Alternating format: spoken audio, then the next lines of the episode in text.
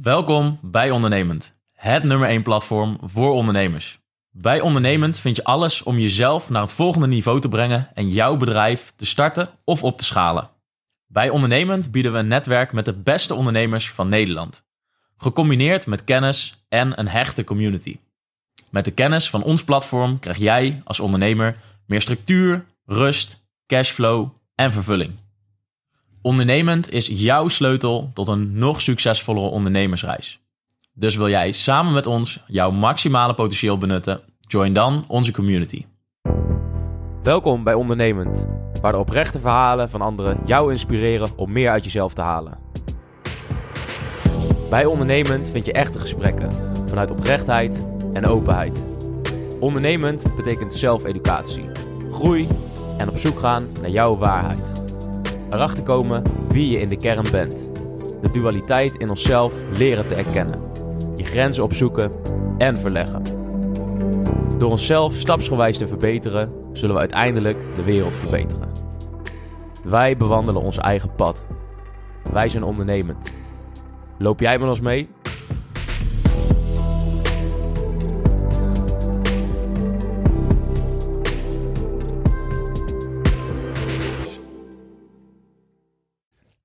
Welkom bij een nieuwe aflevering van de Ondernemend Podcast. Ik ben Sam Hilhorst. Ik zit hier samen met Tom Berensen. Vanavond hebben wij een bijzondere gast.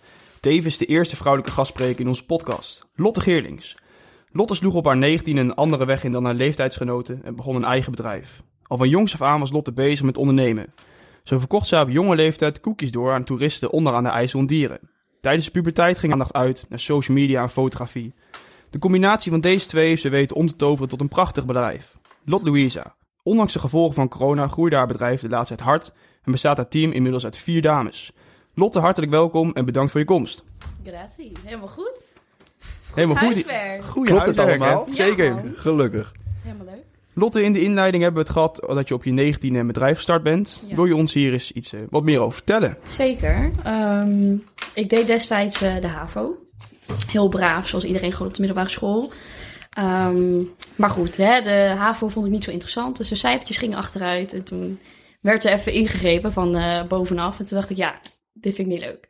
Dus ik had zoiets van, de HAVO interesseert me niet. En dat ik nog een jaar langer op de middelbare school zou moeten zitten, had ik zoiets van, nou, eh, mij niet gezien. Dus ik ben een beetje om me heen gaan kijken om te kijken van, hé, hey, wat zijn de alternatieven? Wat kan ik doen? Eh, ik had natuurlijk al wat interesses, maar destijds waren de interesses die ik had nog niet echt fysiek in een opleiding ge- ja, gestopt. Ehm, dus ik ben een beetje gaan oriënteren en toen ben ik gaan kijken en toen vond ik eigenlijk een opleiding die best wel redelijk aansloot bij wat ik leuk vond, maar dat was wel een mbo-opleiding. En toen had ik zoiets van, ja, ik ben een havist, eh, mbo is toch echt wel een flink verschil. Ik bedoel, iedereen gaat blowen, wordt zwanger, zit aan de drugs. Nou, ik kan je vertellen, dat was ook echt zo. Maar, nou, het- ja, Dat is een leuke klas. ja, eigenlijk wel. Maar na drie weken waren al die mensen ook gestopt. Dus dat was eigenlijk wel heel chill. Dus toen bleef een hele gemotiveerde, ambitieuze klas over. En dat vond ik eigenlijk wel heel erg leuk. Ehm, en die opleiding kon ik eigenlijk met twee vingers in de neus doen. Dat voordeel heb je als je van de haven afkomt en je gaat een stapje terug. Ehm, dus toen heb ik eigenlijk gewoon die opleiding afgerond. En toen was ik 18, toen was ik eigenlijk klaar. En toen had ik zoiets van, ja, oké, ik heb HAVO gedaan, mbo. Ik kan hbo doen, want die hersenen heb ik nou eenmaal gekregen. Waarom doe ik er niks mee? Nou, toen had ik zoiets van, laat ik gewoon even een tussenjaar nemen om te kijken van, hé, hey, eh, eh, wat ga ik precies doen? Ik werkte destijds ook in de horeca, dus ik vond dat heel interessant. Gewoon lekker hard werken, onder de mensen, sociaal, vond ik heel erg leuk. Dus ik had te twijfelen van, nou, ga ik de horeca in? Of ga ik toch mijn gevoel achterna, die al vanaf mijn 13e, 14e eh, bezig is en speelt. Dat ik wil gaan fotograferen, dat ik social media heel interessant vind. Dus ga ik dan een communicatieve opleiding doen. Nou, het nadeel aan een communicatieopleiding vond ik toen destijds heel erg dat eh, heel veel mensen het gingen doen. Dus het was heel breed en heel veel mensen die doen dat omdat het gewoon voor de hand liggend is. Is heel breed, dus mensen denken, oh ja, chill is wel een leuke studie. Ehm, dus eigenlijk werd het geen van de twee. Want ik dacht, ja, met horeca verdien je reet. Want zo dacht ik dan ook wel weer. En met de communicatiestudie had ik zoiets van... mm, ik wil wel tussen mensen zitten die ook echt iets willen bereiken. En niet maar eh, ja, lukraak een studie doen omdat ze moeten studeren. En toen had ik dus zoiets van, nou weet je, ik ga gewoon in mijn tussenjaar daarover nadenken. En kijken wat, wat ik wil gaan doen. En toen ging ik aan de slag bij een uh, projectontwikkelaar. Dus naast mijn horecabaantje ging ik dus ook nog aan de slag bij een projectontwikkelaar. Heel saai, zakelijk, maar heel goed voor mij om met mijn grote mond even de grote mensenwereld in te komen. Dus om even te kijken van, hé, hey, wat wordt er geaccepteerd? Wat zijn de normen en waarden op het moment dat je in zo'n wereld terechtkomt? En um, voor die partij ging ik dus de social media doen, websitebeheer, de fotografie. Want echt, het, wat ze hadden zag er echt uit alsof het uit 1980 kwam. Ja, dat kon natuurlijk niet, want we leefden in het jaar 2017, 2018. Dus ik had zoiets van, mhm. nou, daar moet wel even wat aan gebeuren. En ik vond dat destijds zo leuk om te doen. En toen had ik zoiets van, hey, dit vind ik echt tof. Dus dit is eigenlijk wat ik vroeger al zoiets had van, hm, dit interesseert mij. Um, maar hè, er bestonden wel marketingbureaus, maar nog niet echt iets specifiek op social media en fotografie gericht. En omdat ik toen ook nog in de horeca werkte, want dat vond ik gewoon te leuk om op te zeggen. Uh, dan spreken natuurlijk heel veel mensen die vragen: hey, wat ben je eigenlijk aan het doen? Want ik zag dat je bent afgestudeerd, maar wat doe je nu? Dus dan vertelde ik: hey, ik ben nu aan het werk bij een projectontwikkelaar, maar daar doe ik de social media en de fotografie. En zo kreeg ik eigenlijk heel veel potentiële klanten. Eigenlijk heel veel mensen die tegen mij zeiden: Lot, als je dat bij hun doet, dan wil ik dat je ook weer bij ons langskomt. Want ja, wij kunnen ook wel iemand gebruiken die dat kan doen. Dus ik bouwde heel snel een grote klantenkring op, potentieel. En toen had ik zoiets van, ja, er zit gewoon een gat in de markt met dit. En in deze regio, dus dan heb ik het echt even over het Oorse Mm Heel stom, maar um, daar wonen we wel. Daar zit dat gewoon nog niet. Maar daar, ook daar zitten bedrijven die gewoon online zichtbaar moeten zijn. En um, naar aanleiding daarvan ben ik eigenlijk alles wat in mijn hoofd zat, uh, een ondernemingsplan gaan schrijven. En zo heb ik me in 2018 ingeschreven bij de Kamer van Koophandel. En sindsdien ben ik eigenlijk nooit meer uh, wat anders gaan doen. Dus is het gewoon fulltime met social media en fotografie bezig zijn voor andere bedrijven. Precies. Hey, en wat zijn dan de, want kijk, weet je, ik kan me best wel voorstellen als jij in eerste instantie bij zo'n projectontwikkelaar aan het werk bent. Mm -hmm. En op een gegeven moment maak jij dan die transitie en een beetje de keuze van, joh, weet je, ik, uh, ik stop bij die projectontwikkelaar en ik ga nu voor mezelf beginnen. Dan weet ik zeker dat jij tegen dingetjes aangelopen bent. Ja, tuurlijk. En wat is het toen dan allemaal? Wat, wat zijn dan dingen waar jij in het begin van dacht van oeh, dat was even lastig? Nou, het was met name, ik vond mijn eerste ondernemersjaar vond ik officieel niet eens een ondernemersjaar, om maar zo te zeggen. Mhm. Dus uh, ik kwam om half tien uit mijn bed. Ja. En om drie uur s middags dacht ik, nou, ik heb nou alweer genoeg gedaan voor vandaag. Ik ga lekker wat, uh, wat anders doen. Dan ging ik lekker naar de stad of dan ging ik even shoppen, weet ik veel wat. Ja. En op een gegeven moment was het, uh, het, was het zomer, het was zomervakantie en toen las ik een boek. En uh, toen had ik zoiets van, ja, wat de fuck ben ik aan het doen? Welk boek? Um, van Olcay Goulson. Okay. Vrouwelijke onderneemster. Ja. En uh, die komt echt van niets. Die heeft zichzelf echt heel erg naar de top gewerkt. En daar raakte ik heel erg door geïnspireerd. Toen dacht ik, ja, waar ben je mee bezig, weet je wel? Je hebt heel veel plannen. Je schreeuwt van de daken wat je allemaal wil en hoe goed je wel niet bent. Maar waarom doe je dan niet meer mee? Ja. Dus toen ben ik eigenlijk... Um, Hoor ik nou een stoomtrein? Ja, dat is een stoomtrein. Okay. Daar zit hij naast. maar ga verder met verhalen. toen, uh, uh, toen ben ik eigenlijk alles, ja, wat ik toen op poten had staan gaan omgooien. Dus ik had zoiets van, oké, ik ben gewoon van de een op de andere dag begonnen. Ik moet gewoon eerst even gaan nadenken over mijn visie, mijn missie. Uh, ik wil mijn logo, mijn huisstijl, alles wil ik hebben staan. Want dat stond gewoon niet. Ik deed elke keer maar klakkeloos wat. En elke keer als ik iets online had gezet, was ik er eigenlijk niet trots op. Mm -hmm. Dus ik had een beetje een haat-liefde met mijn eigen bedrijf. En toen dacht ik, ja, dit, dat is het niet. Dus ik ben eigenlijk helemaal weer opnieuw begonnen. Ik had allemaal klanten de deur uit gedaan waar ik niks mee had. Dus de autogarages en de pizzabakkers, die gingen allemaal weg. Want ik had zoiets van, nee, uh, pas niet bij Lot Louisa. En um, toen ben ik eigenlijk dus weer eigenlijk van nul begonnen. Weer gaan opbouwen. En toen ging dat een jaar heel erg goed. En toen, uh, toen kwam uh, de Crones om de hoek kijken. Mm. Ja, dat was natuurlijk even helemaal ruk. Want ja, ik ben uh, echt 80% van de klanten toen destijds verloren. Terwijl ik net een maand uit huis woonde. Dus ik had zoiets van, oh holy shit, hoe ga ik nou weer mijn huur betalen? Ja. En dit, dat. Nou, oké, okay, er kwamen gelukkig heel veel mooie regelingen. Dus ik hoefde me uiteindelijk geen zorgen te maken. Mm -hmm. Maar door die corona onder andere had ik weer zo'n moment dat ik dacht van... Ja, het gaat goed, maar nog niet goed genoeg. Mm -hmm. En toen ben ik weer alle puntjes op de i gaan zetten. En sinds dat ik dat gedaan heb, ben ik eigenlijk in een jaar tijd heel snel veel meer gaan doen. Dus ik heb meiden aan kunnen nemen, stagiaires, groter kantoor, of twee kantoren eigenlijk in een jaar. Dus dat is hoe het bij mij nog verder gegroeid en ontwikkeld is. En vanaf moment één waar ik tegenaan was gelopen. En waar ik dan nu naartoe ben gegaan. Oké, maar wat doe jij dan op het moment, kijk, weet je, als dat corona in één keer om de hoek komt kijken. En je krijgt dan keer met zo'n tegenslag te maken. Je zegt van, nou ja, weet je, er kwamen toeslagen of, of er kwamen, uh, kwamen dingen mij tegemoet, zeg maar. Maar hoe reageer je op zoiets in eerste instantie? Ja, ik vond het wel kut. Ja, Kijk, ik weet nog dat op, eh, op de zondag volgens mij de eerste aankondiging was dat alles dichtging. En echt alles, die was volgens mij echt de eerste lockdown. Mhm. En de volgende dag was maandag. Ik had 's ochtends om tien uur al vijf telefoontjes gehad van mijn vaste klanten. Die eigenlijk met een abonnement bij mij eh, ja, zaten gebonden. Die toch zeiden van ja, het moet even op pauze. Want eh, ja, wij weten ook niet hoe het gaat lopen. En toen had ik zoiets van ja, leuk allemaal bij jullie op pauze. Maar bij mij gaat het ook door. En toen had ik wel zoiets van ja, fuck, hoe ga ik dit, eh, hoe ga ik dit oplossen? En hoe heb je het opgelost? Nou, eerst heb ik twee dagen in zak en as gezeten en dacht ik, ja, eh, ik stopte ermee. Ik dacht, bekijken maar, ik ga wel bij de bakker werken of zo. Ik noem maar wat. Ja, ik, ik had echt zoiets van, nou, als het echt zo dramatisch wordt, dan eh, ga ik wel gewoon wat anders doen. Ik bedoel, ik ben nog jong. Al bij wijze van spreken ga ik nog studeren. Ik gooi de duo weer aan en eh, dat kan ook. Want hoe lang was je, zeg maar voordat de corona begon, hoe lang was je toen bezig? Toen het in maart zeg maar, allemaal losbrak in Nederland?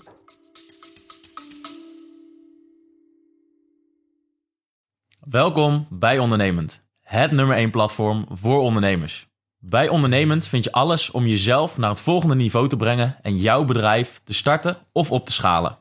Bij Ondernemend bieden we een netwerk met de beste ondernemers van Nederland. Gecombineerd met kennis en een hechte community. Met de kennis van ons platform krijg jij als ondernemer meer structuur, rust, cashflow en vervulling. Ondernemend is jouw sleutel tot een nog succesvollere ondernemersreis. Dus wil jij samen met ons jouw maximale potentieel benutten? Join dan onze community. Eh, anderhalf jaar. Dus nog best wel kort. En daar, ja, dat eerste half jaar was dus eigenlijk niks. Dat heb, toen heb ik niet echt wat gedaan. Toen was ik nog een beetje de puber, zeg maar. Dus eh, ja, op een gegeven moment, ik was pas echt een jaar fanatiek bezig. En het voelde echt alsof dat hele jaar werken voor niks was geweest. Omdat natuurlijk iedereen zei, ik stopte mee. En ehm, even weer terug naar corona. ja, Hoe je daarop reageert. ja, corona, ja, Mhm. de reactie. Mhm. Ja, nu nog steeds zwaar kut. Maar eh, ja, je gaat gewoon denken in oplossingen. Althans, dat doen denk ik veel ondernemers. Dat heb ik dus ook gedaan. Dus ik ben heel anders met dingen in gaan delen. Mijn dagbesteding heel anders in gaan delen. Ik ben eh, over eh, Lot Louisa zelf, het bedrijf, weer veel anders gaan indelen. Kijk, eerst postte ik alleen maar wat ik kon. Dus ik liet zien wat ik deed. Mijn werk liet ik zien. En op een gegeven moment dacht ik, ik moet ook waarde bieden aan mijn volgers. Dus ik moet ook een reden geven waarom ze mij willen blijven zien. En toen ben ik begonnen bijvoorbeeld ook met educatieve posts. En daardoor ben ik ook in een jaar bijvoorbeeld met 4000 volgers omhoog gegaan op Instagram. Dus dat soort dingen, daar ben ik allemaal over na gaan denken. Daar heb ik ook de tijd voor gehad om over na te denken. Dus aan de ene kant was het wel weer heel fijn. Aan de andere kant bracht het ook even behoorlijk wat stress met zich mee. Ja, precies. Destijds. Maar educatieve post. Wat Ja. is dat? Nou ja, social media is natuurlijk best wel eh, moeilijk. Heel veel mensen denken dat het heel makkelijk is. Dat je gewoon een berichtje online moet zetten en dat je er dan bent. Maar dat is gewoon echt niet waar. Er zit heel veel denk, ja, het hele denkwijze achter, een strategie. Ehm, er komt gewoon veel meer bij kijken op het moment dat je social media gaat beheren. Dus eh, ja, eigenlijk wat ik ben gaan doen is dat ik gewoon kleine tips ben gaan delen.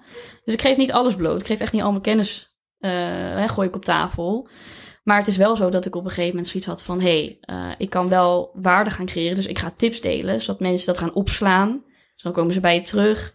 Dan hebben ze zoiets van... oh, zou je ook een post over dit kunnen maken? Dus ze gaan, jou ook, ze gaan naar jou kijken als degene die echt het expert is op het vakgebied... en ze kijken naar jou als boegbeeld. Dus bij jou moeten ze zijn als ze iets willen weten over social media. En omdat ik die keuze heb gemaakt... is het bij mij heel snel gegaan. Mhm. Dus, Maar het is ook wel fijn als je dan een beetje feedback krijgt, misschien van mensen die jou volgen. Dat je aan de hand daarvan ook weet waar je klanten misschien tegenaan lopen.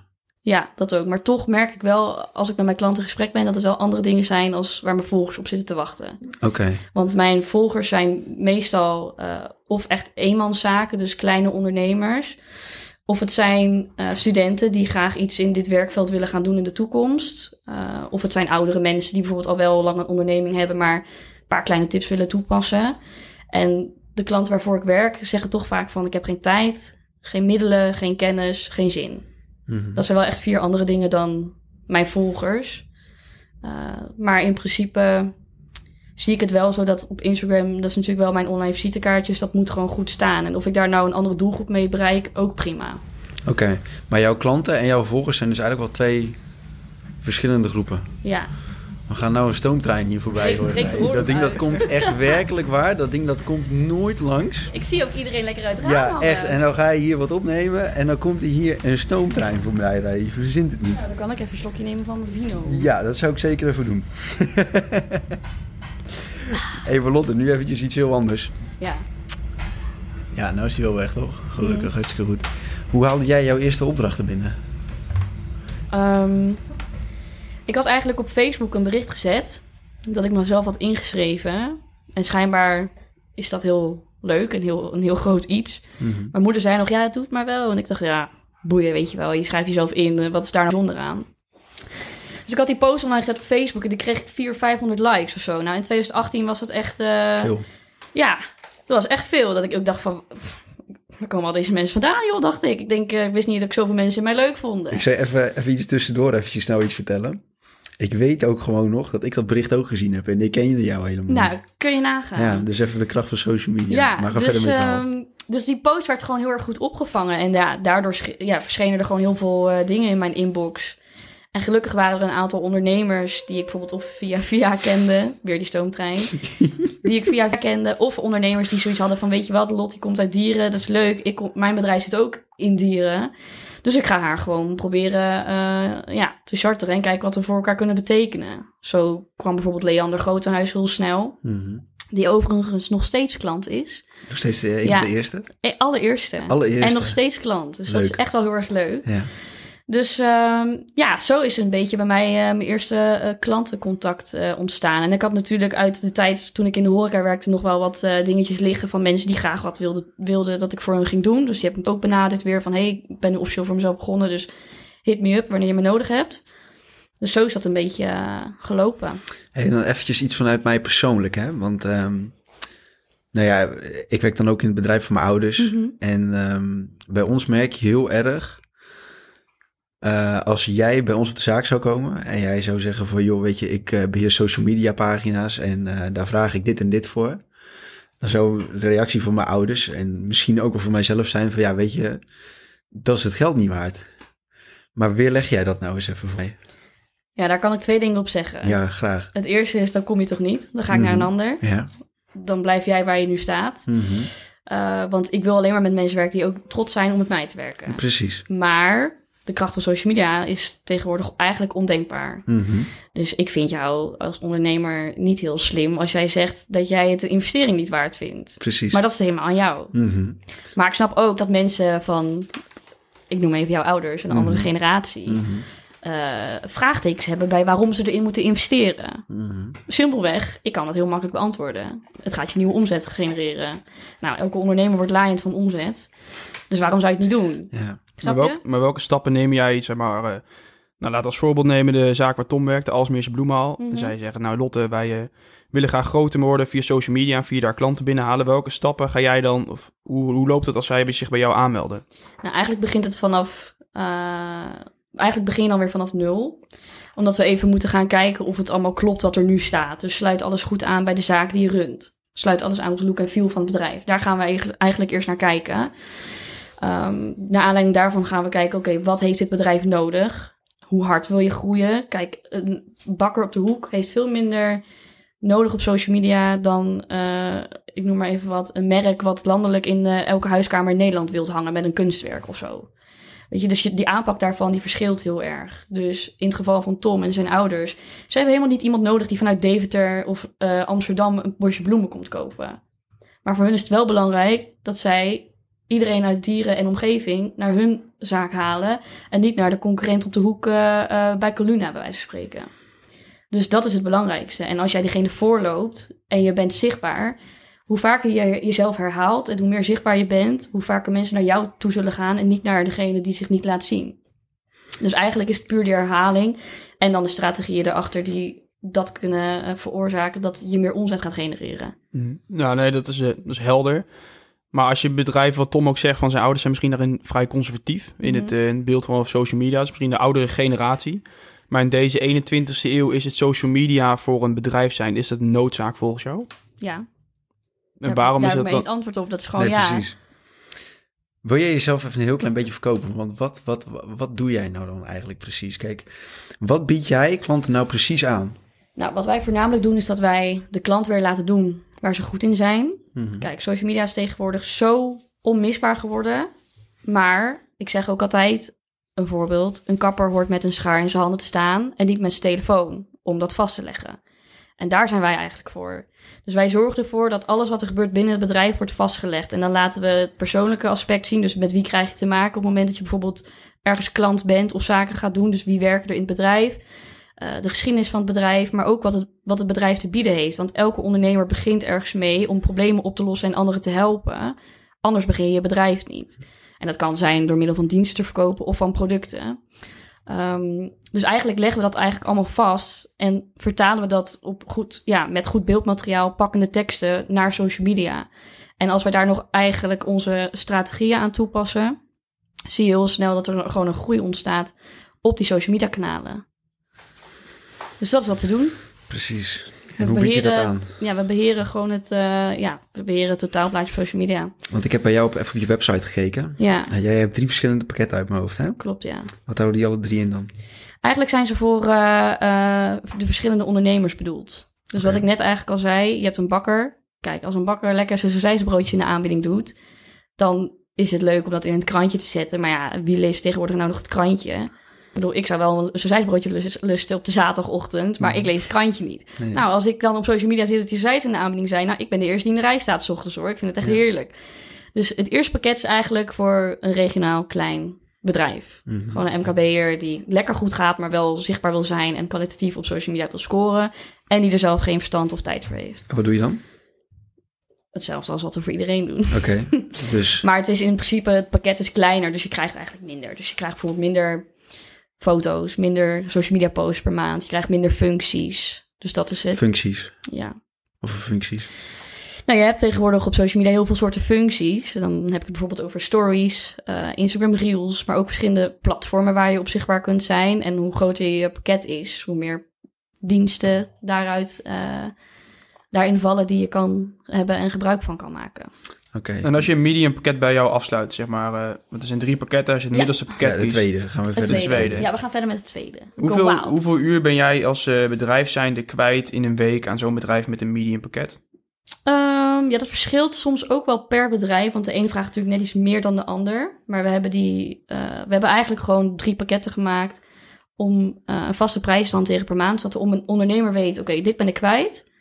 En eh, die kan ook dit en dit verwachten elke maand. Het herhaalt zich gewoon. Dus we snijden onszelf eigenlijk niet in de vingers. Wij komen de afspraak na omdat het voor ons eigenlijk een ja, herhaaldelijk iets is. Dus we doen het elke keer. Ehm, wat was je vraag ook weer? Tweede pakket. ja. Wat, wat, wat- Hoeveel uur in de week ben jij daar ongeveer uur aan in de kwijt? Ehm, nou, dat is wel een goede vraag. Want dat er, daarom heb ik dus ook een ondernemerscoach ingeschakeld. Omdat ik mijn urenregistratie, inclusief van mijn personeel, even moet, eh, op orde moet gaan zetten. Ja, dat hoort erbij. Maar ehm, het is wel gebaseerd op een aantal uur. En als je het middelste pakket pakt, is dat meestal tussen de 4 à 6, 7 uur per week. En voor wie is dat bedoeld? Een middelste pakket? Ja. Voor de eh, ondernemer die een grotere regio wil bereiken.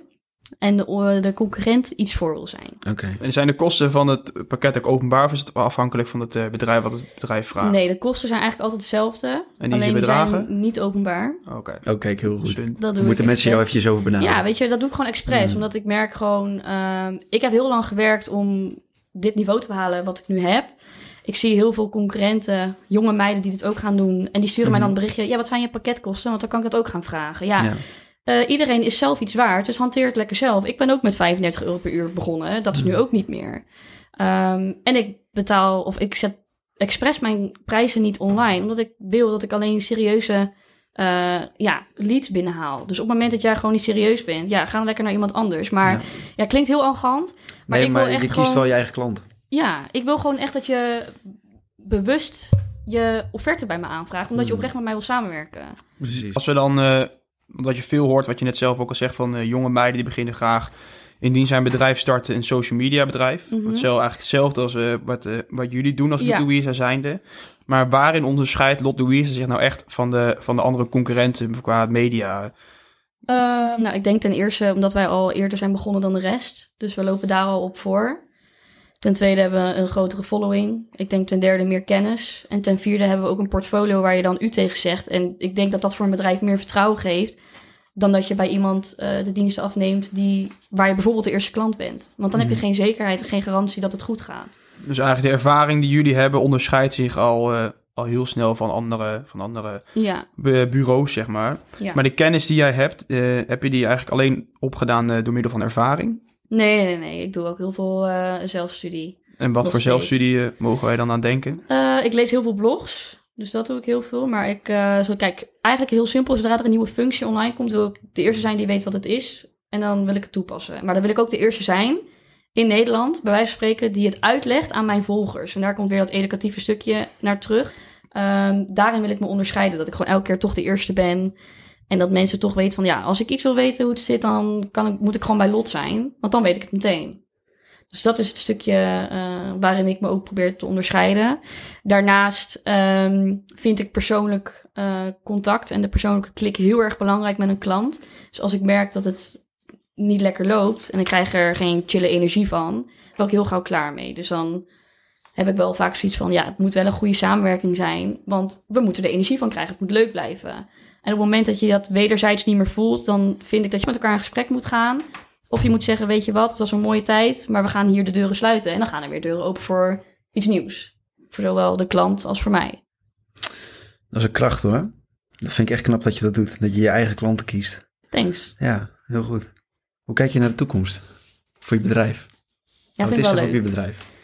Ehm, nou, ik hoop natuurlijk, kijk, dat is natuurlijk altijd wel de vraag met social media. Dat vragen ook heel veel mensen. Ja, hoe lang blijft het dan nog bestaan? Ja, dat weet niemand. Maar Mhm. op dit moment is het zo hè, krachtig en zo waardevol dat ik denk dat je op dit moment de social media niet, ook nog niet van de baan zal zijn. En wat ik eigenlijk met Lot Louisa voor ogen heb, is dat ik ehm, regionaal gewoon Arnhem, Nijmegen wel de grootste word. Dat iedereen die social media af wil nemen. Dus een ondernemer die toch denkt van ja, ik kom er niet aan toe, of ik heb er geen zin in, of ik heb echt iemand nodig die mij kan laten groeien. Die wil ik eh, eh, eigenlijk tot aan me binden. En uiteindelijk wil ik dan gaan groeien naar een grotere partij. Dus ik wil gewoon een vast, lekker, leuk team met jonge meiden die allemaal ambitieus zijn en gedreven zijn om ook met mij mee te groeien. Want dat vind ik heel belangrijk. Ik bedoel, ik ben nog wel een jonge ondernemer en de kans bestaat dat we kunnen doorgroeien naar iets heel groots. Dus daarin neem ik ze ook echt mee. En eh, verder is dat voor nu met Lot Louisa wel mijn, eh, mijn toekomst. eh, Ja, dat is een mooie, mooi toekomstperspectief. Dank je. En je dat zegt van, eh, als jong, je, bent, je bent een jonge ondernemer. Ja, En wat we al in de intro zeiden, van, eh, je sloeg een andere weg in dan je leeftijdsgenoten. ja. Maar hoe was het om dan nu, eh ja, nu, wat nu 2,5 jaar ben je aan het ondernemen, als ik het goed zeg? ja, officieel sta ik drie jaar ingeschreven, maar het eerste jaar mag je gewoon eraf trekken. Nou, we zeggen drie jaar, maar hoe, hoe is Ja. het om, eh, om zo'n jonge leeftijd in vergelijking met je leeftijdsgenoten te ondernemen? Eh, ik vind het heel erg leuk. Maar dat is ook omdat ik ervoor gekozen heb natuurlijk. Maar ik vind dat het ook heel veel voordelen met zich meebrengt. Eh, al als ik kijk naar mijn vriendinnen, hebben ze wel meer vrije tijd. Ook op dit moment nog steeds. Weet je, ik werk gewoon, eh, ja, wat is het, 60, 65, 70 uur in de week. En zij misschien, ja, wat is het, drie, drieënhalve dag. Of ze studeren en dat is gewoon chill, weet je. Ze hebben heel veel vrije tijd. Maar stoort dat je echt? Mm, soms. Ja. Weet je, als het lekker weer is, heb ik last van FOMO. Mhm. Dus dan denk ik, ja, met 30 graden wil ik ook lekker met mijn reet op stand liggen. Maar ja, ja, I got some work to do, dus ja, dat kan niet. Maar ik merk ook dat ik er heel veel uit haal. Kijk, ik ben gewoon te ambitieus en ehm, te gedreven om thuis te gaan zitten... of om nu nog iemand te zijn die zou studeren. Ja, ik denk dat ik me echt rot zou vervelen, dus... Ik denk dat het voor mij gewoon een hele goede uitlaatklep is, omdat ik anders te druk zou zijn in mijn hoofd. Dus ik moet gewoon ergens mee bezig zijn en dat doen. Dus Mhm. ik vind het eigenlijk wel chill, maar soms heeft het zijn nadeel. ja, dat geloof ik wel. Eh, jonge Ja. ondernemers, daar hoor je vaak eh, verhalen over dat ze zich... Ja, ze zijn blij dat ze een eigen zaak hebben, maar vaak voelen ze zich wel onbegrepen. Of soms alleen, omdat ze niet eh, ja, die kennis die ze hebben... of bijvoorbeeld bepaalde denkbeelden die ze hebben kunnen delen met leeftijdsgenoten. Heb je dat zelf ook ervaren? Mm, ja en nee. Ehm, ik heb het zelf ervaren, maar dan heb ik het opgezocht eh, op social media. Dus dan ben ik gewoon in, in contact gekomen met mensen die eigenlijk in dezelfde schoenen staan als ik. Ehm, maar ik ben inderdaad echt wel op momenten heel alleen geweest. Dat ik dacht van ja, zit ik... Weet je, net toen ik echt net begon, zat ik de hele dag thuis bij mijn ouders aan de keukentafel. Ja, fucking saai. Als je 19 bent en je, je wilt eigenlijk de wijde wereld zien... maar je zit de hele dag naar eh, dezelfde keuken te kijken. Weet je, dat is echt wel even saai. En je hebt ook... Ik bedoel, ik had geen ervaring. Ik deed alles op gevoel. Dus ehm, ik had wel echt zoiets af en toe van, ja, jezus, ik heb, ik heb de hele dag niemand gezien, weet je wel. Dus als het dan weekend was, ik wilde alles uit het weekend halen wat erin zat. Dus ik wilde het liefst om eh, vier uur middags al eh, weekend houden op vrijdag. En dan op zondagavond acht uur was ik klaar, weet je wel. Maar dan wilde ik zoveel mogelijk mensen gezien hebben in, die, in dat weekend. Omdat ik door de week gewoon alleen maar naar de keuken zat kijken. Ja, precies. Dus dat had ik wel heel erg. Maar op een gegeven moment, eh, omdat ik natuurlijk mezelf... eh, eh, ja, ik had Lot Louisa aangevraagd als erkend leerbedrijf. Toen kreeg ik een stagiair en nu heb ik totaal geen eh, loneliness meer. Dus ik zit nu gelukkig met een heel leuk team. En eh, ik krijg ook heel vaak leuke mensen over de vloer op kantoor. Dus dat is wel heel leuk. Ehm, dus nu ben ik niet meer alleen, maar ik heb me wel echt heel lang ook wel echt vaak eenzaam gevoeld. Dat ik echt dacht van ja, dit is echt saai alleen, weet je wel. En wat deed jij om echt die eenzaamheid toen te doorbreken? Want, dat, want er zullen ongetwijfeld ook mede-ondernemers luisteren. Ook jonge, jonge luisteraars. En die zullen misschien ook dat gevoel hebben van eenzaamheid. Nou, jij zegt, naarmate de tijd vorderde, om liet je je omringen met mensen. Maar dat is een Ja. aantal maanden of misschien wel een jaar later. Ja. Maar wat deed jij toen je aan de keukentafel zat bij je ouders... om toch die eenzaamheid uit je te halen... en toch gemotiveerd te blijven voor je eigen bedrijf? Ehm, nou, de motivatie bleef natuurlijk altijd wel, maar ik deed voornamelijk s'avonds eh ja, veel andere dingen. Dus weet je, ik had in mijn eerste jaar ook nog niet zo heel veel werk als dat ik nu heb. Kijk, nu kan ik als ik wil tot tien uur s'avonds werken en ochtends om zes uur weer beginnen, maar dat ga ik natuurlijk niet doen. Of nou ja, dat doe ik wel, maar... maar destijds, Vertel toen ik net jezelf. begon... Ja, destijds toen ik net begon, toen eh, werkte ik bijvoorbeeld gewoon tot vijf, weet je wel. En toen had ik zoiets van, weet je wat, dan ga ik vanavond gewoon leuke dingen doen. Dus eh, ik, ja, ik ging dan gewoon sociale contact opzoeken, om dat sociale toch een beetje op, extra op te zoeken. Ja, dus dat, dat geef je eigenlijk een tip mee aan eh mee die jonge ondernemers... van zoek toch nog de afwisseling tussen je bedrijf en vrije tijd... en eh, Ja, leuke helemaal als je dingen jong doen. bent, dan moet je gewoon die leuke dingen blijven doen. Ik bedoel, eh, je bent nog steeds jong van geest, dus... eh, en jij bent nog een jonge god, en je hebt nog een jong lichaam, dus je moet er gewoon lekker gebruik van maken. Ja, zeker. Ja, dus nou ja, dat, dat zou ik wel inderdaad zeggen van... hé, hey, ga dat gewoon lekker doen. En zojuist voor dit onderwerp zei je van over het voortbestaan van social media. Hoe lang zou het nog bestaan? Dat is een, een onbeantwoorde vraag. Maar wat is Mhm. zelf jouw visie daarop? Ja, daar kunnen we uren over doorpraten. ja. Want dat heeft niet eens zozeer te maken met de visie van social media... maar ook met de visie van wat er allemaal gaat gebeuren natuurlijk de komende jaren. Ik bedoel, we zijn nog lang niet klaar met de huidige situatie. Dus dat speelt denk ik ook een hele grote rol. Maar daar wil ik niet te lang op inhaken. Maar eh, ik hoop dat het gewoon heel lang eh, ja, voortduurt. En dat het eigenlijk altijd onmisbaar blijft. Dat het net zo belangrijk is als eh, een schoonmaakbedrijf of een, een geboorte eh, iets. Want dat Mhm. is ook werk wat natuurlijk altijd doorgaat. Dus ik hoop dat social media in dat eh, categorie mag blijven. Dat zal het ook denk ik wel blijven. Het wordt echt een beetje vervanging voor de krant. Het wordt een beetje nieuwe, Ja. nieuwe media. Denk ik zelf wel. Maar ehm, Lot, dan komt die eerste, het eerste personeel of het eerste eh, stagiair. Ja, Hoe is dat? Om in één keer te groeien van eh, ja, alles zelf doen, nou ook een keer ding uit handen geven. nou ik moet eerlijk zeggen, je hoort heel vaak dat mensen het moeilijk vinden om het uit handen te geven. Maar ik vond het zo lekker. ik dacht echt, nou doe jij dit maar. Ja. Al die eh, klusjes die ik, waarvan ik vond dat ik mezelf al was ontgroeid, omdat ik dat niveau eigenlijk al had behaald, heb ik gewoon lekker doorgeschoven naar iemand anders. En dat vond ik eigenlijk wel heel lekker. En nu nog steeds. Mhm. En je had ook al gelijk genoeg, toen had jij genoeg werk voor haar gelijk. Ja, dat gelukkig wel. En sterker nog, ik had dus in september 2019 mijn eerste stagiair. Nee, 2020, sorry. Mijn eerste stagiair aangenomen. En toen kreeg ik een mailtje onverwachts van een, eh, een ander meisje die heel graag bij mij wilde stage lopen. Maar zij moest vanuit school maar drie maanden. En die moest in november beginnen. En toen had ik zoiets van, ja, ik, ik heb net mijn eerste, een beetje snel. Maar goed, ik denk, ja, weet je, ik wil met Lot Louisa heel veel. Dus notabene geef ik die taken allemaal aan haar. Maar goed, toen kwam zij. En toen eh, had ik ook fulltime werk voor haar. Dus toen had ik in één keer fulltime werk voor drie. En dat was natuurlijk wel heel fijn. Dus op, ja, dat groeide gewoon lekker door, zeg maar. En eh, nu zitten we inmiddels met vier. En hopelijk straks eh, gaan we dat weer lekker door laten groeien naar vijf. En naar zes. En naar zeven. Is er nu werk voor een fulltimer nummer 5? Ehm, er is werk op het oog voor een fulltime nummer vijf. Maar dat wil ik nog niet. Ik wil het heel rustig stap voor stap. En het personeel is naar die, die dames die bij jou werken, zijn naar jou toegekomen. En die heb jij niet zelf, eh, zelf gezocht via bijvoorbeeld een vacature of... eh, Ehm, nou, Poyeri, die nu eigenlijk, eh, wat eigenlijk mijn eerste vaste werknemer is, die heeft van mij gesolliciteerd destijds op een stagevacature van februari 2021. En na een week dacht ik, ja, die moet ik houden. Die was zo goed, die was heel initiatiefnemend, heel ambitieus.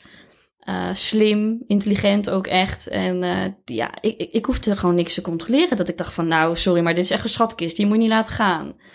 Dus, ehm, dus ik had echt zoiets met haar van, ja, als de kans er ligt en het lukt allemaal, want het waren natuurlijk wel onzekere tijden, dan zou ik het heel graag willen. En dat is gelukkig eh, zo gebleken.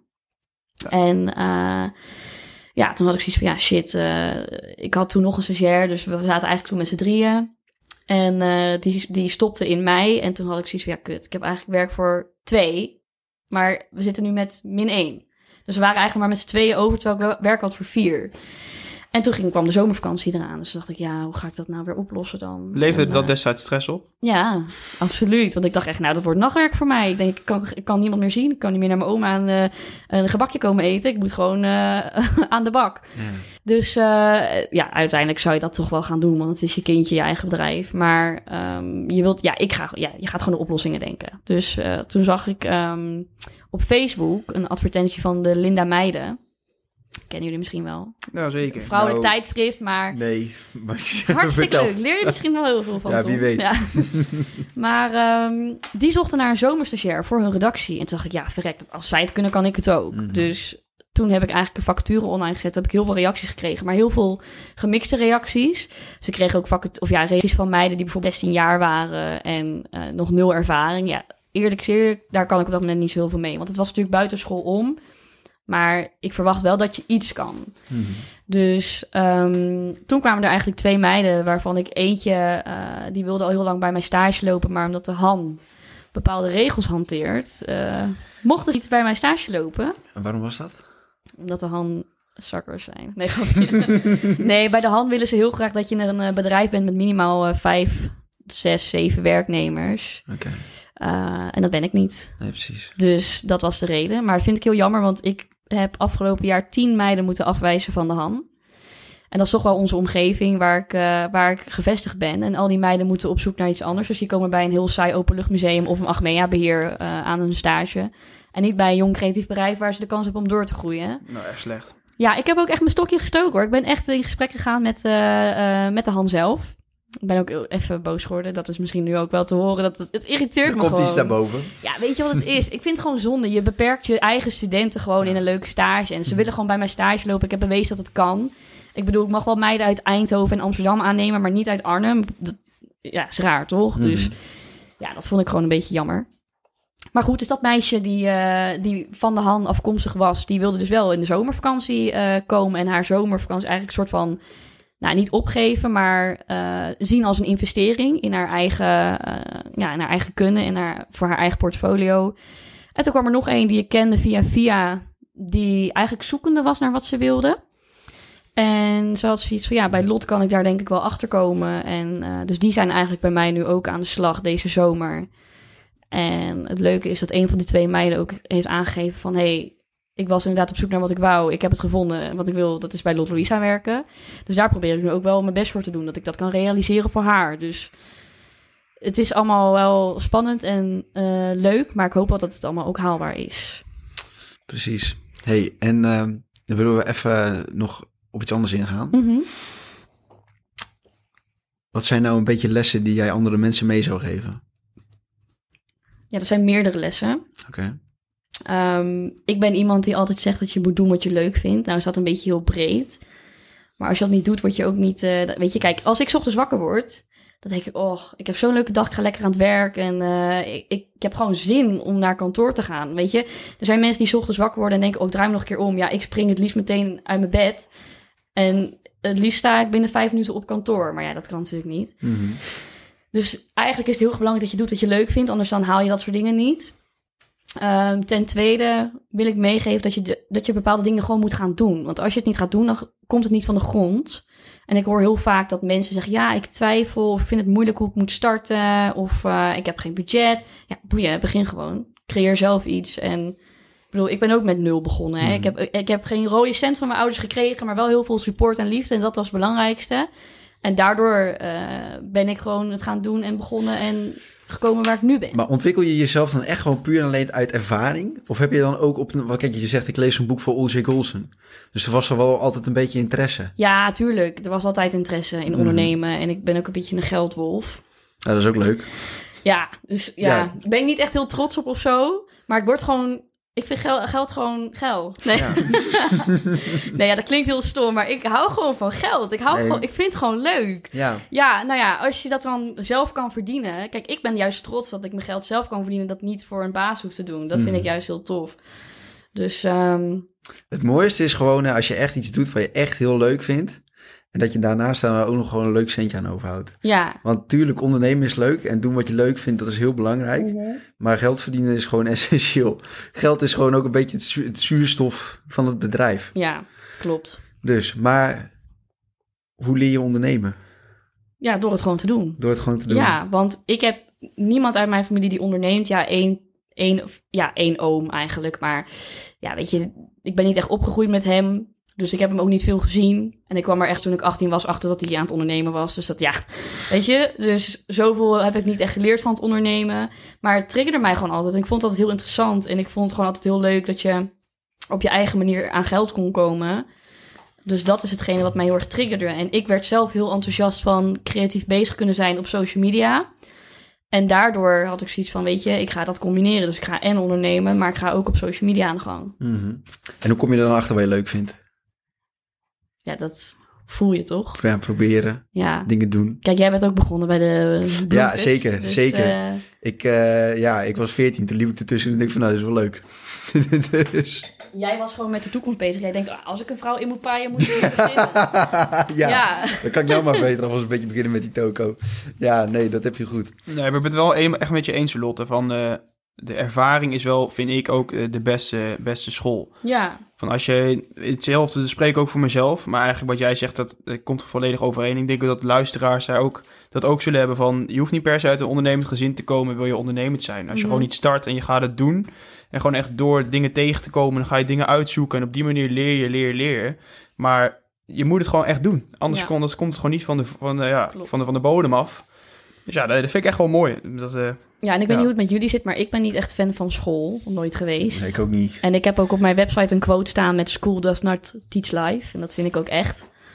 Dus, eh, en zo, vind, zo ja, kijk ik ook zeg maar, naar het ondernemen. Je moet het gewoon doen door te leren en dan ga je maar op je bek. Ja, eh, iedereen die op zijn bek gaat, staat ook weer op.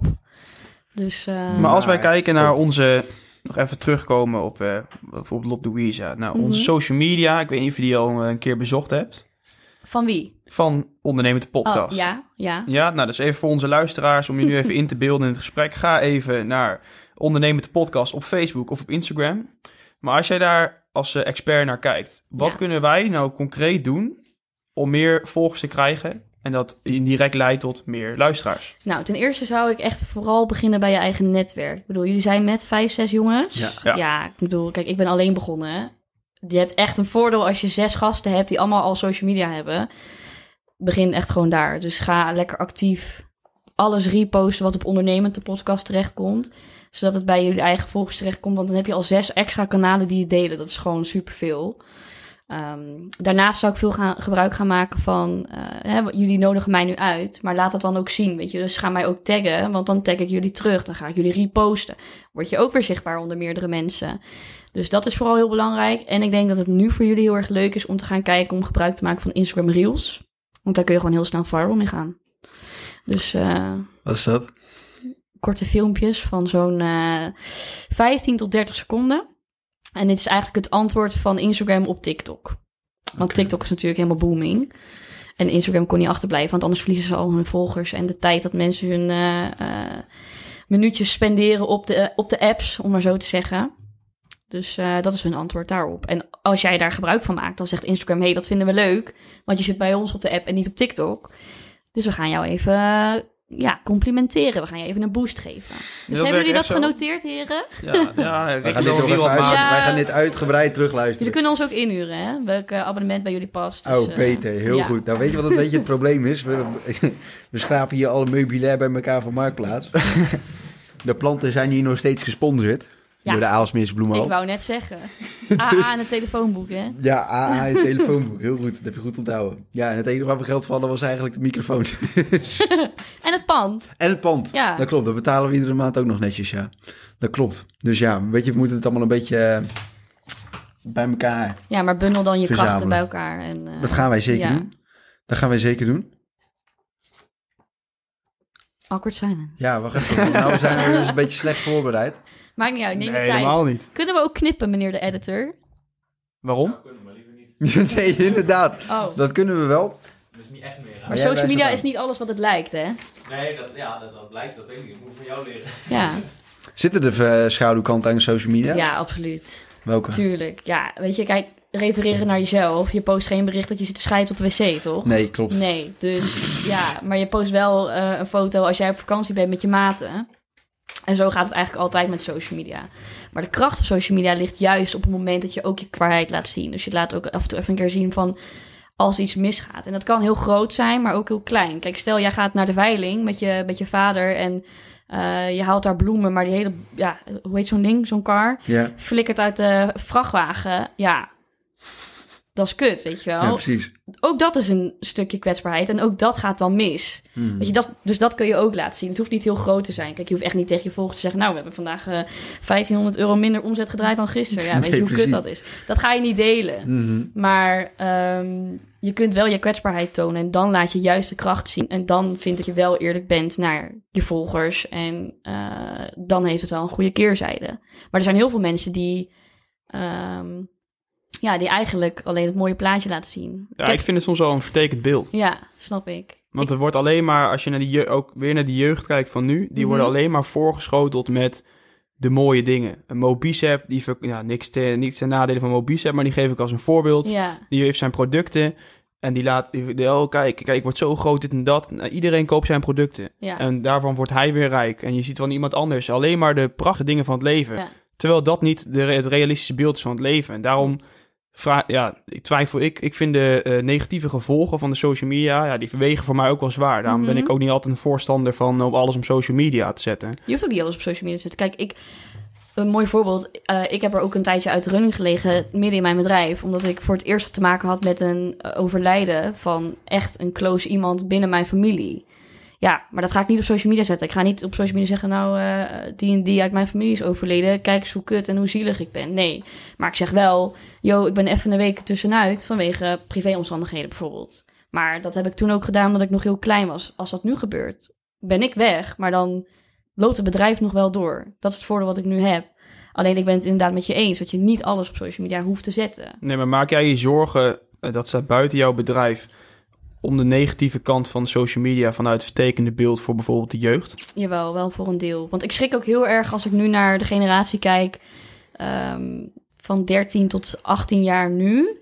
Ja, weet je, als ik meiden zie van 16 die korte rokjes aan hebben en bijna met hun tieten bloot op TikTok een dansfilmpje maken. Ja, eh, je had mijn kind niet moeten zijn hoor, want had je echt probleem gehad. Dus daar schrik ik wel erg van. En dat kan ook echt zijn nadelen hebben. En er zit zoveel meer achter dat soort beelden. En eh, weet je, er zitten ook oude mannen op social media, om maar even zo te zeggen. Maar niet alleen dat, weet je, er kan, kunnen ook dingen lekken die niet ho- horen te lekken. Of, eh, dus ja, het heeft inderdaad wel zijn keerzijde. Kijk ook naar pesterijen bijvoorbeeld. Ja, maar, Maar kun je- daar- maar kan je ervoor zorgen, en niet per se jij specifiek, maar misschien als een grotere groep, om die keerzijde van social media weer te keren naar het realistische beeld van de wereld? Jawel, maar dat begint bij de app zelf. Kijk, wat, wat dient de app daarvoor te doen? Nou ja, ik benoem even Instagram. Ik vind het heel erg kwalijk dat als er nu een post wordt gedaan over een vaccinatie of een coronageval, dat je onderin een waarschuwingsmelding krijgt over noem maar wat. Dan word je volgens mij geleid naar de Rijksoverheid website. Maar op het moment dat er, wordt, eh, dat er een situatie voorvalt met racisme, zie je geen button. Snap je? Mhm. En dat vind ik kwalijk. En dat begint bij de app zelf. Dus, ehm, weet je, als je bijvoorbeeld iemand gaat pesten omdat hij bijvoorbeeld anders geaard is, of anders geaard, je bent helemaal niet anders geaard, maar eh, je valt bijvoorbeeld op mannen of op vrouwen. Dus je bent bijvoorbeeld homo of lesbi. Ja, mij boeit het niet, maar er zijn mensen die het wel boeien en daar wat over te zeggen hebben. Maar Instagram kan wel hè, een melding maken op het moment dat het over een vaccinatie gaat. Maar die kan er geen melding maken op het moment dat het eh, eh, over, over pestgedrag gaat of racistische opmerkingen. Mhm. Dat vind ik kwalijk. Dus daarom vind ik dat het bij de app zelf begint. En dan pas bij de mensen thuis. Helder antwoord, ben ik, ja, daar ben ik volledig met je eens. Ja, Hoe zie je dat dan bij jezelf als je zelf zoveel op social media zit? Heb je daar wel eens last van? ja ik, heb, ik heb er wel last van gehad. Ik, ik profileer me natuurlijk op een bepaalde manier. En vooral in het begin was dat voor heel veel mensen, ook hier uit het dorp, ehm, anders. Wat, En, kreeg, wat, eh, kreeg je dan naar je, wat kreeg je naar je kop? Oh, ik, ja, er werden gewoon screenshots gemaakt en eh, gifjes gemaakt van dingen die ik weer had gepost. Dus het was, eh, ja, was gewoon flauwekul. Was uiteindelijk gewoon wel een beetje pestgedrag. Maar eh, ja, het, het, het- het- ik ben er wel mee. Ik ben wel doorgegaan met hetgeen waar ik blij van word. Dus ik blokkeer je gewoon en ik ga weer verder met mijn leven. Snap je? Stond je daar destijds ook al boven? Voor- boven dat, nee, eh, dat heb ik wel echt geleerd. Heb ik echt moeten leren. Kijk, als iemand dat nu doet, dan denk ik ja, fuck jou. Maar destijds zag ik echt, oh wat erg. En, want je, ik kwam ook uit de horeca, dus iedereen, ik dacht ook dat iedereen me leuk vond. Dus ik had zoiets van, ja, dat, dat moet ik blijven volhouden, want ik heb een eigen bedrijf. En iedereen moet mijn, mijn diensten af willen nemen. En op een gegeven moment dacht ik, ja, als je mij niet leuk vindt, waarom zou ik dan mijn best nog doen om leuk gevonden te worden door jou? En toen heb ik dat heel erg, zeg maar, ik had al wel redelijk veel scheid, maar mijn scheidlevel is wel omhoog gegaan naar aanleiding dat ik dat geleerd heb en dat heb meegemaakt. Maar vindt het nog steeds plaats? Of krijgen wij straks ook van de podcast eh, memes eh, dat het een groepsapp Jij worden krijgt, rondgestuurd? jij, dat ga je zeker krijgen. Nee. Beter. nee, daar heb ik, ja, natuurlijk, daar ga je Ja, viral. daarom, nee. zo is dat. Nee, daar heb ik geen, eh, geen input op, maar, eh, of geen invloed op moet ik zeggen. Maar ehm, ja, dat kan. Alleen ik zie het nu nog weinig terugkomen, omdat ik mezelf natuurlijk ook nu gepositioneerd heb op een positie dat mensen zeggen, ja, eh, allemaal leuk en aardig, maar ja, ze heeft zich wel bewezen of zo. Mhm. Dat merk ik nu wel. Mhm. Ja, weet je, in het begin dan zou dat sowieso ook al een beetje lastig zijn. Weet je, ben je met van alles en nog al bezig en je weet zelf ook niet of het goed is of slecht. Nee, En dan is oordelen heel makkelijk natuurlijk. ja, Alleen ja, weet je, als je nu op een gegeven moment echt ook een beetje wat hebt staan... waar je ook echt absoluut heel erg trots op mag zijn. Weet je, gewoon, dat hebben we nog helemaal niet belicht... maar je hebt nu een kantoorpand gewoon midden in Arnhem. ja. Echt op gewoon op een prachtige locatie. Ja, weet je, daar kunnen mensen dan op een gegeven moment ook gewoon niet meer omheen draaien natuurlijk. Nee, dat klopt ook wel. Mhm. Dat klopt ook wel. Maar, dan begin je eerst in je eentje. Mhm. Dan groei je dus uit naar drie man personeel. En dan gaan we nou even terug. Dan ga je nu naar een andere fase. Ja, Hoe pak je dat aan? ik heb een mooie coach. Mhm. Sinds vandaag. Nee, ik eh, ben eh, met een MKB-coach in aanmerking gekomen. Ook plotseling hoor, heel onverwacht. Want ik was er eigenlijk niet naar op zoek. Maar ik had wel altijd al een trigger van... ja, eh, ik heb altijd alles op intuïtie gedaan. En ik doe alles op gevoel. En als je groter wordt, is het toch misschien wel een keer verstandig... om te gaan kijken of organisatorisch alles klopt. Of de financiën kloppen. Ehm, kijk, in het begin wil je natuurlijk zoveel mogelijk behalen. Wil je zoveel mogelijk klanten binnenslepen. Op een gegeven moment... Ja, je hebt natuurlijk nooit genoeg klanten en nooit genoeg omzet. Maar ben je op wel op een punt dat je kan zeggen: Oké, ik moet nu even gaan kijken of alles eh, goed staat. En welke targets ik nu ga halen voor de volgende jaren. En welke targets ik ga neerzetten. Dus op dat punt kwam ik eigenlijk. En toen ben ik eh, met hem dus in, in aanraking gekomen. En eh, toen had ik zoiets van: Ja, het is misschien wel verstandig om even met hem om de tafel te gaan zitten. En ik heb nu met hem afgesproken dat we vijf bijeenkomsten doen van twee uur. En dan binnen een jaar, zeg maar. Dus we gaan elke keer kijken van, hé, hey, waar sta je nu? Ik heb vandaag ook opdrachten meegekregen. Dus dat mag ik de komende periode gaan uitvoeren. En ehm, dan gaan we eind augustus weer kijken of alles klopt. En of ik in september van start kan gaan met datgene wat ik voor ogen heb. Een soort eh, adviesraad of zo. Eigenlijk wel, ja. Het is een, eh, hij heet Rob, naakt geboren. Iedereen is naakt geboren, maar Rob is echt speciaal naakt geboren. Nee, nee Rob die... ehm Kutgrapje, hè? Heel gemeen. Nee, ja, maar Rob die is al, eh, is al wat ouder. Dus die heeft ook al kinderen in de 30, 35 jaar. Dus die is echt al wel eh, in de 60, denk ik. Ik heb zijn leeftijd niet gevraagd, maar als ik het een beetje gok, dan eh, denk ik dat het dat het is. Maar Rob die is wat ouder en die heeft dus al heel veel ervaring. En dat vind ik eigenlijk heel fijn, want in mijn branche werk ik heel veel met jonge mensen. Want ik ben van mening dat jonge mensen het beste weten wat ze op social media moeten doen, omdat ze daarmee zijn opgegroeid. Maar als je het hebt over ondernemen en een organisatie sturen en leiding geven en financiën regelen, denk ik toch dat je beter bij iemand kan aankloppen die bijvoorbeeld al 30, 40 jaar dat werk doet en die Mm. ook echt iets heeft neergezet. Dus, ehm, Dus een Rob, Rob is zeker waardevol voor jonge bedrijven. Rob was voor mij eh, ja, een goed, eh, goede uitkomst. En Rob komt gewoon op jouw pad. Ja, die stond gewoon voor de deur, die klopt Rob, die aan, die zegt, hey. Lot. Heb je koffie? Ik zeg nou altijd. Dus eh, ja, die kwam lekker binnen. Nee, maar is dat echt zo? Die komt gewoon... Die, hoe, hoe ben je bij Rob gekomen? Hoe, hoe kwam je überhaupt bij het idee om bij een coach, met een coach te beginnen? Ja, het was dus een beetje via via. Iemand tipte me eigenlijk op social media. Die zei van, hey, ben je bekend met dit en dit? Toen zei ik, nou, eigenlijk niet. En eh, toen zei ze van, nou ja, je kan eens met hem in gesprek. En dat is gewoon een vrijblijvend consult. Dus dat is gewoon een eerste gesprek. En eh, dat ben ik aangegaan. En het klikte eigenlijk meteen, want we gingen ook over voetbal lullen. Ja, dan weet je dat het goed zit. Ja. Dus, ehm, dus Ja. dat, ja, het zat gewoon goed. En ik had zoiets van, ja, ik wil wel met Rob, eh, met Rob aan de gang. Dus ik heb met hem vijf eh, sessies eigenlijk afgesproken. Mhm. En dan ben je nog, nog helemaal in het begin. Ja, vandaag mijn eerste sessie gehad, dus Oké. we zitten echt in de opstartfase. En merk je nu al dat je iets meer structuur hebt? Nou, dat is dus de reden waarom ik Rob ga inschakelen. Want Rob Ja, die heeft mij opdrachten gegeven dat ik meer structuur aan moet gaan brengen. Ja, Ja, daar ga je nu mee aan de gang. dus eh, de komende maand ga ik dat even op een rijtje zetten. Weet je, bij ons binnen het bedrijf is het nu ook zo dat iedereen eh, een manager van alles is. Even zo te zeggen, iedereen kan alles. Maar ik merk nu dat sommige mensen beter zijn in iets anders en de ander weer in dit en de ander in dat. En die krachten moet je gaan benutten. En zo kom je uiteindelijk tot een, eh, ja, een beter organisatorisch bedrijf. En daar ga ik gewoon nu de structuur in aanbrengen. Dus ik ga mensen gewoon eigenlijk nu, hoe stom het ook klinkt, maar wel even in hokjes plaatsen. Je gaat gewoon iedereen bedienen op zijn specialiteit. Ja, exact. Ja. Dus eh, daar ga ik nu naartoe. En het is de bedoeling met mijzelf dat ik minder eh, ja, uitvoerende taken ga doen, maar meer ga aansturen en meer eh, leiding geven. En weet je, zelf contact onderhoud met mijn eigen klanten en de opdrachten dan weer uitzet bij het personeel, want daar heb ik ze voor. Het personeel zijn... één, maar één, één van de drie is fulltime in dienst en de andere twee... Ja. Zijn er nog stagiaires of hebben die een eh, nul uren contract? Nee, die, hebben, die worden wel betaald, maar het is allemaal nog een beetje... Mag ik, dat mag ik niet zeggen, jongens. Dat is belastingtechnisch Nee, niet heel slim. nee, maakt niet uit. Zijn allemaal stagiairs. Eh, zijn allemaal stagiaires? Nee.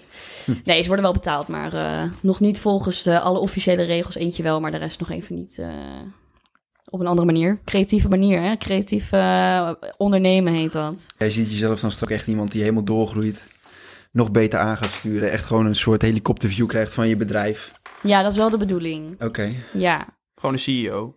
eigenlijk wel. En ik wil ook heel graag nog een tweede bedrijf beginnen. Dus dan, dan moet het helemaal, want dan moet ik mijn aandacht gaan verdelen.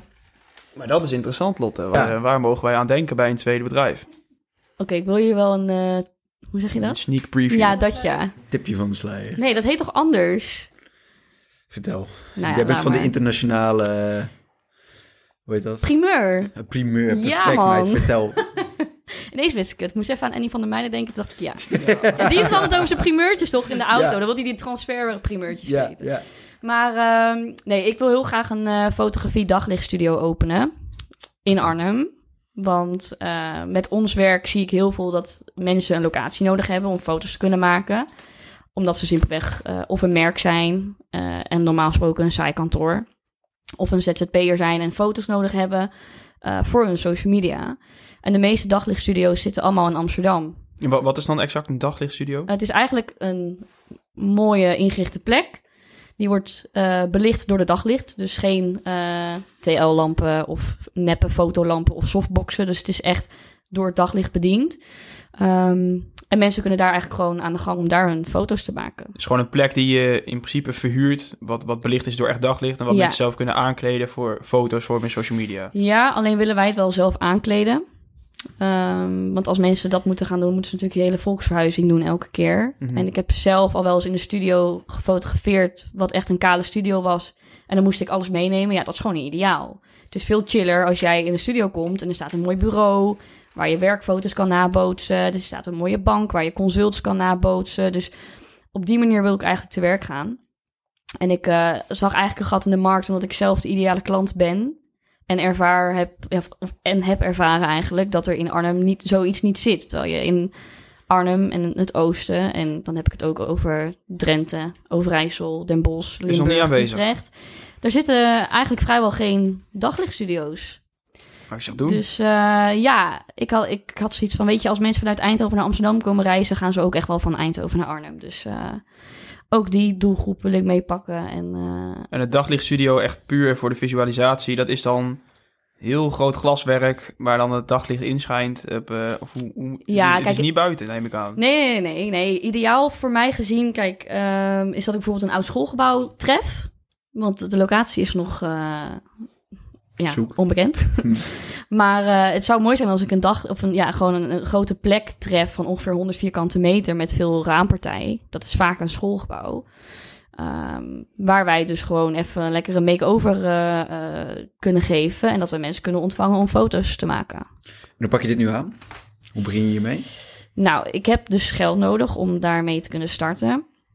Daarvoor wilde ik eerst mijn crypto-investering inzetten. Maar de crypto is de afgelopen maanden voor mensen die in de crypto zitten eh, beroerd. Ja, Dus bekend. ja, ik had zoiets van: mm, ik moet een tweede eh, oplossing hebben. Dus ik moet plan B hebben. En ik wilde heel lang al een social media masterclass gaan doen. Die ik eigenlijk op hogescholen al geef, maar nu ook voor particulieren in wil gaan zetten. Heb ik gevolgd. Heel leuk. nou, die wil ik eigenlijk dus ook online in gaan zetten. Omdat er ook heel veel vraag naar was. Weet je, ik had heel vaak masterclasses en dan, gaf, dan zei ik van... nee, ik mocht een masterclass geven. En dan vroegen heel veel mensen... ja, kan ik die ook volgen? Maar ja, het antwoord was dan eigenlijk nee, omdat ze niet studeren. En toen had ik zoiets van... ja, ik moet het ook gewoon gaan aanbieden... voor de mensen die het graag willen volgen... maar niet op een hogeschool zitten. En ehm, dus die masterclass ben ik aan het ontwikkelen. Die gaat trouwens zondag in de verkoop. De tickets Waar kunnen mensen die kopen? op lotlouisa.com. Oké. En ehm, de tickets zijn te koop tot 15 augustus trouwens. En vanaf 1 september gaat deze dus live. Uh, dus dan kunnen de mensen die een ticket hebben gekocht de masterclass volgen. Maar de uh, omzet die ik daarvan haal, of de winst eigenlijk... die wil ik weer gaan herinvesteren in mijn nieuwe onderneming. En Hou je zelf ook wat over? Tom. Hou je zelf ook nog wat over?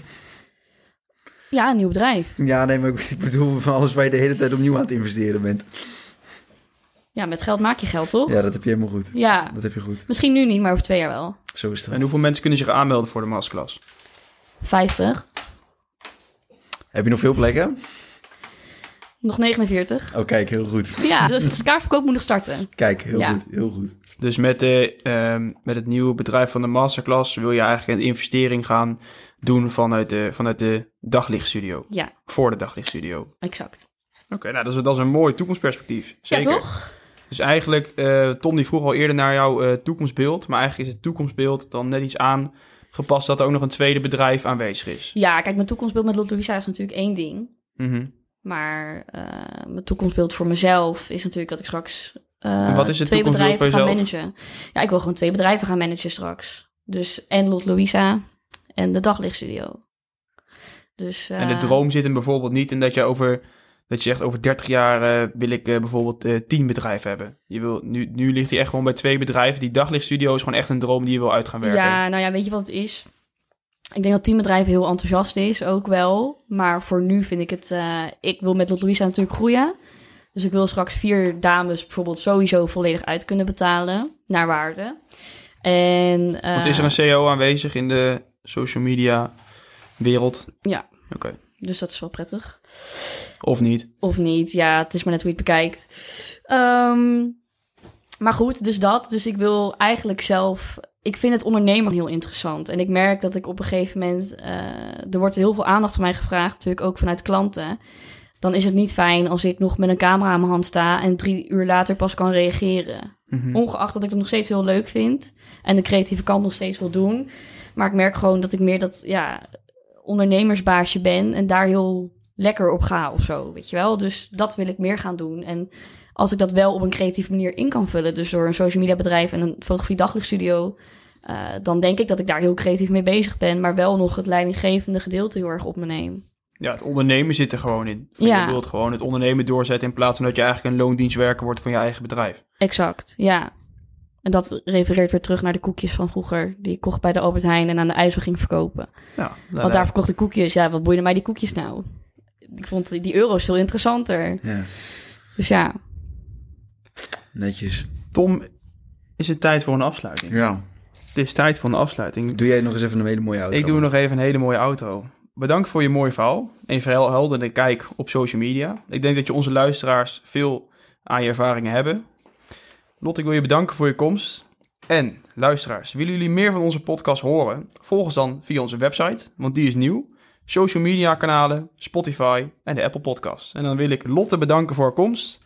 En Tom, ook even goed een bedankje. Ja, jij ook bedankt, maat. Jij ook bedankt. En Lotte ook. ik wil jullie ook bedanken. Jullie doen Oh, wat aardig. hartstikke goed. Dankjewel. En ik kom graag over een tijdje terug. Ja, moet je zeker doen. Ja, het lijkt me oprecht heel leuk. Ja, heel graag. Dus gaan we gewoon een eh, soort Want dan van gaan wij het 2 hebben over jouw nieuwe bedrijf, Of over dat. jouw coachingstraject Ja, en over hoe jij dan lekker bij zit. 100%. en dan krijg ik een bosje bloemen van Tom. Toch? Zeker. Nou, Maar die kan jij sowieso altijd ophalen. inderdaad. Je moet trouwens nog even met, mijn, met mij in gesprek over mijn plant. Want Oh, ik dat heb echt je komt hulp nodig. Komt goed. Dan gaan jullie in gesprek over de klant. En dan wil ik de, de luisteraars een fijne dag, mensen. Fijne dag. Yo. Welkom bij Ondernemend, het nummer 1 platform voor ondernemers. Bij Ondernemend vind je alles om jezelf naar het volgende niveau te brengen en jouw bedrijf te starten of op te schalen. Bij Ondernemend bieden we een netwerk met de beste ondernemers van Nederland. Gecombineerd met kennis en een hechte community. Met de kennis van ons platform krijg jij als ondernemer meer structuur, rust, cashflow en vervulling. Ondernemend is jouw sleutel tot een nog succesvollere ondernemersreis. Dus wil jij samen met ons jouw maximale potentieel benutten? Join dan onze community.